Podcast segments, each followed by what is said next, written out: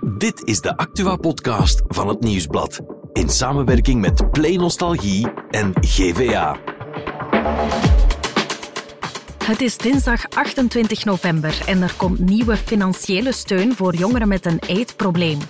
Er komt ook een vergoeding voor wie te lang zonder internet zit. En het geslacht van je ongeboren kind bepalen, dat is blijkbaar moeilijker dan het lijkt. Maar in deze Insider hebben we het over de klimaattop in Dubai en of dat niet één grote poppenkast is. Mijn naam is Celine Bruinongs en dit is de Insider.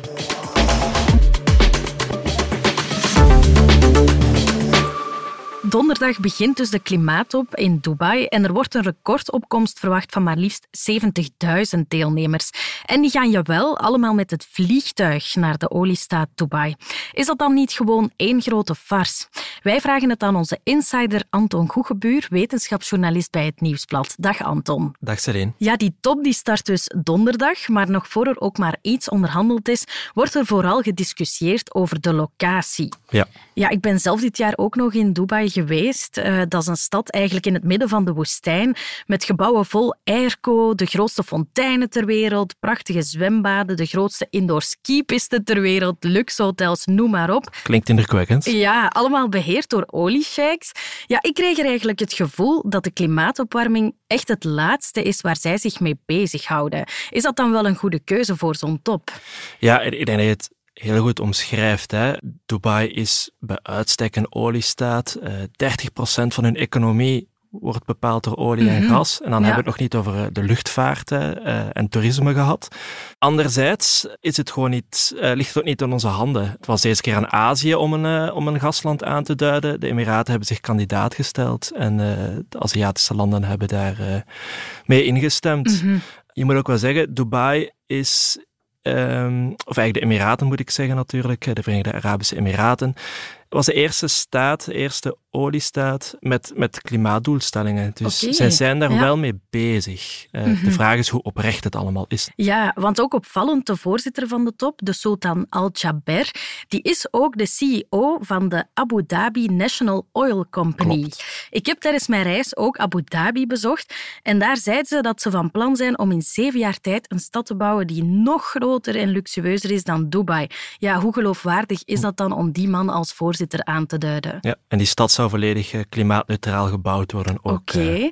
ja, dat, dat klopt. Sultan Al-Jaber is eigenlijk de, de verpersoonlijking van de dubbele pet in de, in de Emiraten. Hij is hoofd van dat oliebedrijf, maar hij heeft ook nog heel andere belangen. Ehm, ik heb daarover gesproken met de Belgische eh, toponderhandelaar Peter Mhm. Withoek.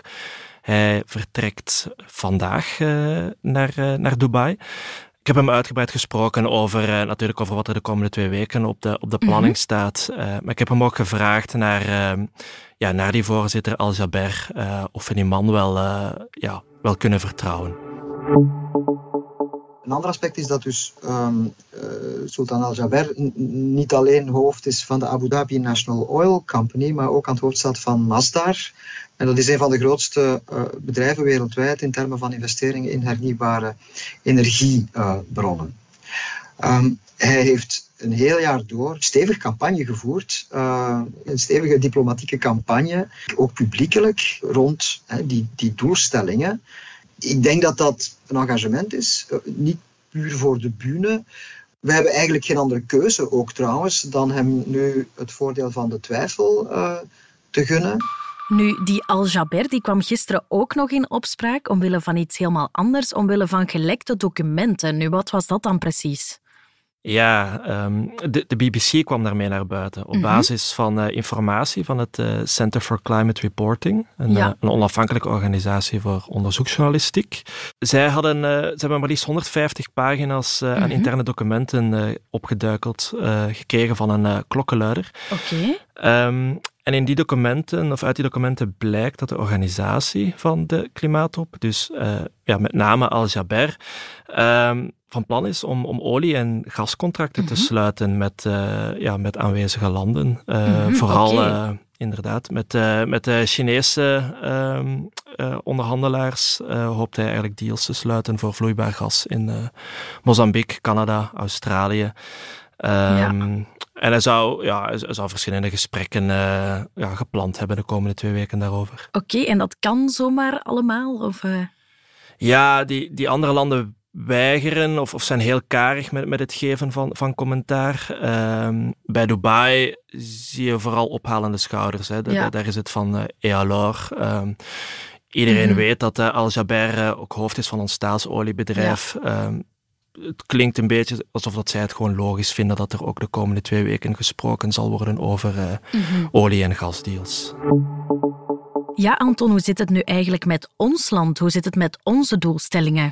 Ja, wij hebben uh, via Europa doelstellingen opgelegd mm -hmm. gekregen om voor 47% minder uitstoot te zorgen tegen ja. 2030. Maar het is algemeen geweten dat, dat Vlaanderen niet mm -hmm. zo ver wilt gaan. Nee, dus, zij liggen dwars eigenlijk. Hè? Ja, wij, wij, houden het op 40 procent. Mm -hmm. um, bij minister De Meer klinkt het vooral dat er nood ook is aan, aan realisme.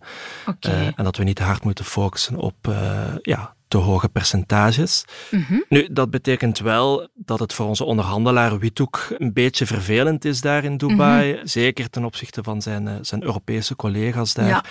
ja, hij noemt dat wel, wel wat gênant. Hè. Wij, wij België is zeker niet uh, ja, een, een, voortrekker in mm -hmm. dit verhaal. Um, eerder een lidstaat dat een beetje ja. met de benen sleept. Ja, en daar zijn ook heel wat stakeholders aanwezig, dacht ik. Hè? Ja, dus daar, daar waarschuwt hij uh -huh. ook voor. Uh, de, de, economische belangen, dus zo, zoals je al zei, 70.000 uh, gasten aanwezigen worden verwacht. Niet allemaal diplomaten of activisten, ja. ook veel, uh, veel bedrijven. Uh, en die zijn op zoek naar, uh, naar, naar stabiel, veilig investeringsklimaat. Mm -hmm. En dat vinden ze niet in België.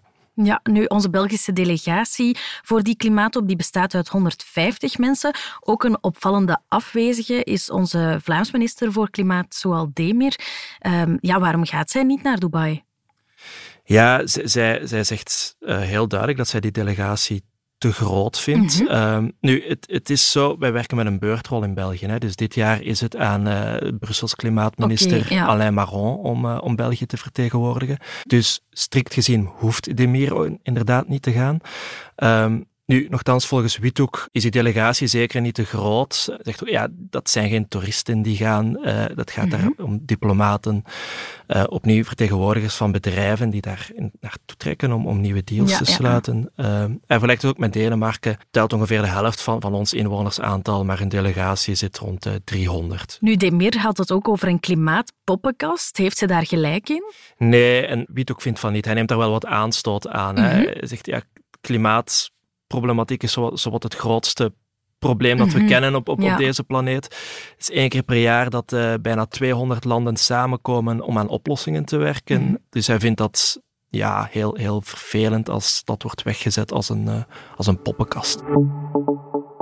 Wie wel naar de klimaatop gaat is Benjamin, een jonge gast van 17. En die heeft eigenlijk een ongelooflijk ook persoonlijke drijfveer om te protesteren voor dringende actie. Hè? Vertel eens, Anton, wat is zijn verhaal? Ja, het is een, het is een heftig verhaal. Hè. Mm -hmm. Hij was uh, twee jaar geleden, juli 2021, was hij op een, uh, op een kamp in, uh, in Wallonië. En dat was mm -hmm. het moment van de, de waterbom. Ja. Dus de overstromingen waarbij in ons land 39 mensen het leven mm -hmm. lieten. En Benjamin was bevriend met, met een van de slachtoffers. En hij vertelt hier zelf wat hij toen heeft meegemaakt. Het water heeft rood aan meer gespreid. En ze is in de beek gevallen. En dan zijn een paar van ons, waaronder ik, achter haar gesprongen in de beek. Um, ik ben nog wat aan haar geraakt en er daar vast. Maar ik heb alles proberen doen. Maar ik heb haar niets kunnen redden. Ja, dat is echt een verschrikkelijk verhaal. Jij hebt hem ook gesproken. Welke indruk maakt hij op jou? Ja, hij maakt nu een, een, een heel vastberaden indruk. Mm -hmm. Dus sindsdien is zijn, uh, zijn activisme, zijn klimaatactivisme, mm -hmm. al, natuurlijk alleen maar toegenomen. We zijn een kleine twee jaar verder. Ja. Hij gaat naar de klimaattop en hij maakt er echt een zaak van om, om aandacht te vestigen mm -hmm. op klimaatslachtoffers. Dat er niet alleen uh, ver weg uh, ja, al, al doden vallen, maar ook bij ons. Ja, hij gaat ook praten in scholen en zo. Maakt hij daarmee het verschil, denk je? Um, ja, heel concreet mm -hmm. is, is hij er al in geslaagd om bij Europa een uh, herdenkingsdag voor klimaatslachtoffers okay, wow. uh, ja, gedaan te krijgen. Dus dat mm -hmm. is op 15 juli de dag van de waterbom bij ons. Ja.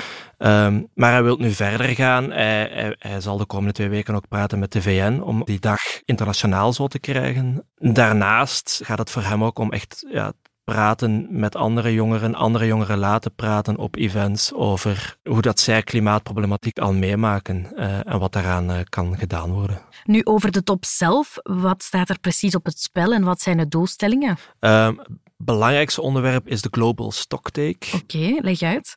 Voor het eerst ehm, sinds de doelstellingen van Parijs zijn geformuleerd, dus het idee is om onder anderhalve graad opwarming te blijven, Aha. zullen landen uh, evalueren hoe hoe we het sindsdien hebben gedaan. Bereiken we die doelstellingen? Doen wij genoeg? Of is de conclusie eerder dat we, ja, dat we nog achterop hinken? Ja, je zegt anderhalve graad. Zitten we daar eigenlijk niet al bijna aan? Heeft het dan nog zin om daar nog op te mikken? Dus we zitten nu in een wereld met 1,2 eh, graden mm -hmm. opwarming.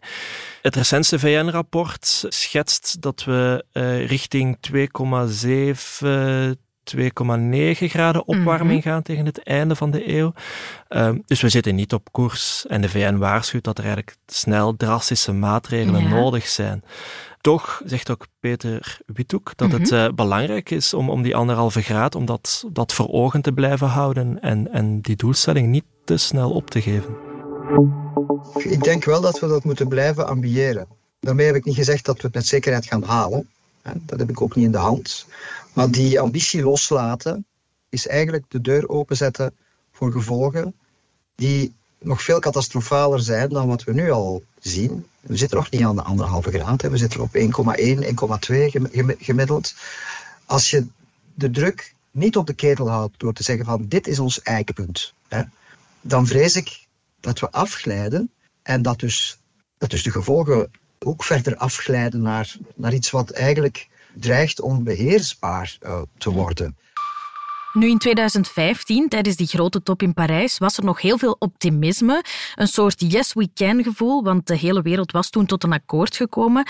We zijn nu acht jaar later en van dat optimisme blijft niet veel meer over, lijkt het. Ja, ik begrijp dat gevoel. Mm -hmm. um, nu, als we toch even terugblikken in 2015, 2016, dan gingen wij nog uit van, van een opwarming van, van 4 à zelfs 5 graden. Dus we hebben wel al een weg afgelegd, want we zijn van ja. 4 à 5 nu naar ongeveer 2,7, 2,9 graden gegaan. Ja, dus we doen het eigenlijk wel beter dan toen. Ja, um, maar ik, ik, zal het vraagteken meteen zelf invullen. We gaan natuurlijk niet snel genoeg. Uh, dus ook wat de VN zegt, er is nog een radicale ommezwaai nodig om die anderhalve graad uh, weer in bereik te krijgen. Ja. Um, en dat is ook echt wel nodig als we zien wat we dit jaar allemaal hebben meegemaakt uh, qua uh, hitterecords, droogterecords, mm -hmm, ja. bosbranden. Um, dus laat ons hopen dat er in Dubai een, een, een doorbraak uit de bus komt. Heel hard bedankt Anton om dat voor ons toe te lichten. Graag gedaan. En er is ook nog ander nieuws en daarom is Nathalie erbij komen zitten. Dag Nathalie. Dag Celine. Minister van Volksgezondheid Frank van den Broeke trekt 11,4 miljoen euro uit om jongeren met eetproblemen te helpen. Ja, om hen beter te begeleiden. Mm -hmm. Want nu moet de familie van jongeren met een eetstoornis vaak heel veel zelf uitzoeken mm -hmm. en betalen. En nu komt er vanaf februari een regeling waardoor jongeren tot 23 jaar recht krijgen op een verhoogde tegemoetkoming en ze een jaar lang een beroep kunnen doen op een zorgteam met een psycholoog en een diëtist. En het zou hen ook uit het ziekenhuis moeten houden, hè? Ja, dat zal niet altijd lukken natuurlijk, mm -hmm. maar het zou zeker moeten helpen om hen sneller op de radar te krijgen, sneller te kunnen helpen en zo erger te vermijden. Mm -hmm. Zoals inderdaad ziekenhuisopnames, uh, want ja, jongeren worden steeds gevoeliger voor eetstoornissen blijkbaar. Dus hopelijk kunnen dit ja. soort maatregelen die stijgende cijfers weer wat doen afremmen. En als je internet en telefonie lang plat ligt, dan zou je ook daar binnenkort vergoed voor moeten worden. Klopt, en dat heeft alles te maken met de internetstoringen die tegenover vorig jaar, dit jaar, al verdubbeld zijn. Mm -hmm. Dat is niet goed, hè? Nee. Ja, dan heb ik het dus over niet kunnen surfen of bellen met je gsm of vaste lijn, waardoor je niet alleen lang niet bereikbaar bent, maar vooral ook niet kan werken als je dan thuis hè, Dat, is toch wel een nachtmerrie eigenlijk. Dat is niet handig, hè? Voilà. Minister van Telecom Petra de Sutter werkt aan een regeling waarbij een compensatie zou kunnen aanvragen zodra de panna langer dan acht uur duurt. En dat bestaat al, hè? Dat bestaat bij ons nog niet, maar mhm. bijvoorbeeld wel in Italië, Nederland, Duitsland, Spanje. Daar is wel al zo'n regeling. Uh, nu, pas op, verwacht daar ook niet te veel van, Celine. Nee? nee, het zal je verloren werkdag op het eerste zicht niet meteen compenseren. Oh, maar bon, er wordt toch wel moeite voor gedaan. Hè? Ja, en dan nog, Celine, uh, proficiat is een meisje of... Uh, ah nee, oei, toch ah. een jongen. Oei. Enfin, we zien het wel als het geboren wordt. Oh, dat is iets bizars. Dat is verwarrend, hè? Een veertigtal ouders in Oost- en West-Vlaanderen die via een NIPT-test het geslacht van een kindje doorgestuurd kregen, die kregen het verkeerde resultaat. Oei, dat is lastig. Dat is lastig. Dus ja, eh, een, een zoon waar zijn dochter verwachten en omgekeerd. En daar zit je dan met al die kleedjes of al die baggy broekjes. Op zich is dat geen ramp, hè? maar ze zitten er bij het labo in Gent, waar dus een storing ontdekt werd, wel mee verveeld. En dat is dan nu opgelost? Of? Gelukkig wel. En ze benadrukken ook dat er enkel bij de geslachtsbepaling fouten zijn gemaakt. Dus niet bij alle andere parameters uh, waarvoor de NIPT-test meestal wordt afgenomen, zoals bij het opsporen van het Down-syndroom. Oké, gelukkig. Mm Dankjewel, Nathalie, om dat uh, voor ons allemaal uit te leggen. Hè? Alsjeblieft. En morgen zijn we er weer met een nieuwe Insider.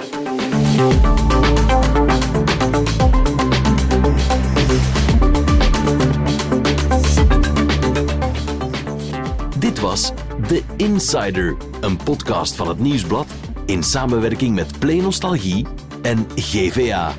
De muziek is van Pieter Santens. De montage gebeurde door House of Media. Wil je reageren? Mail naar podcast.nieuwsblad.be.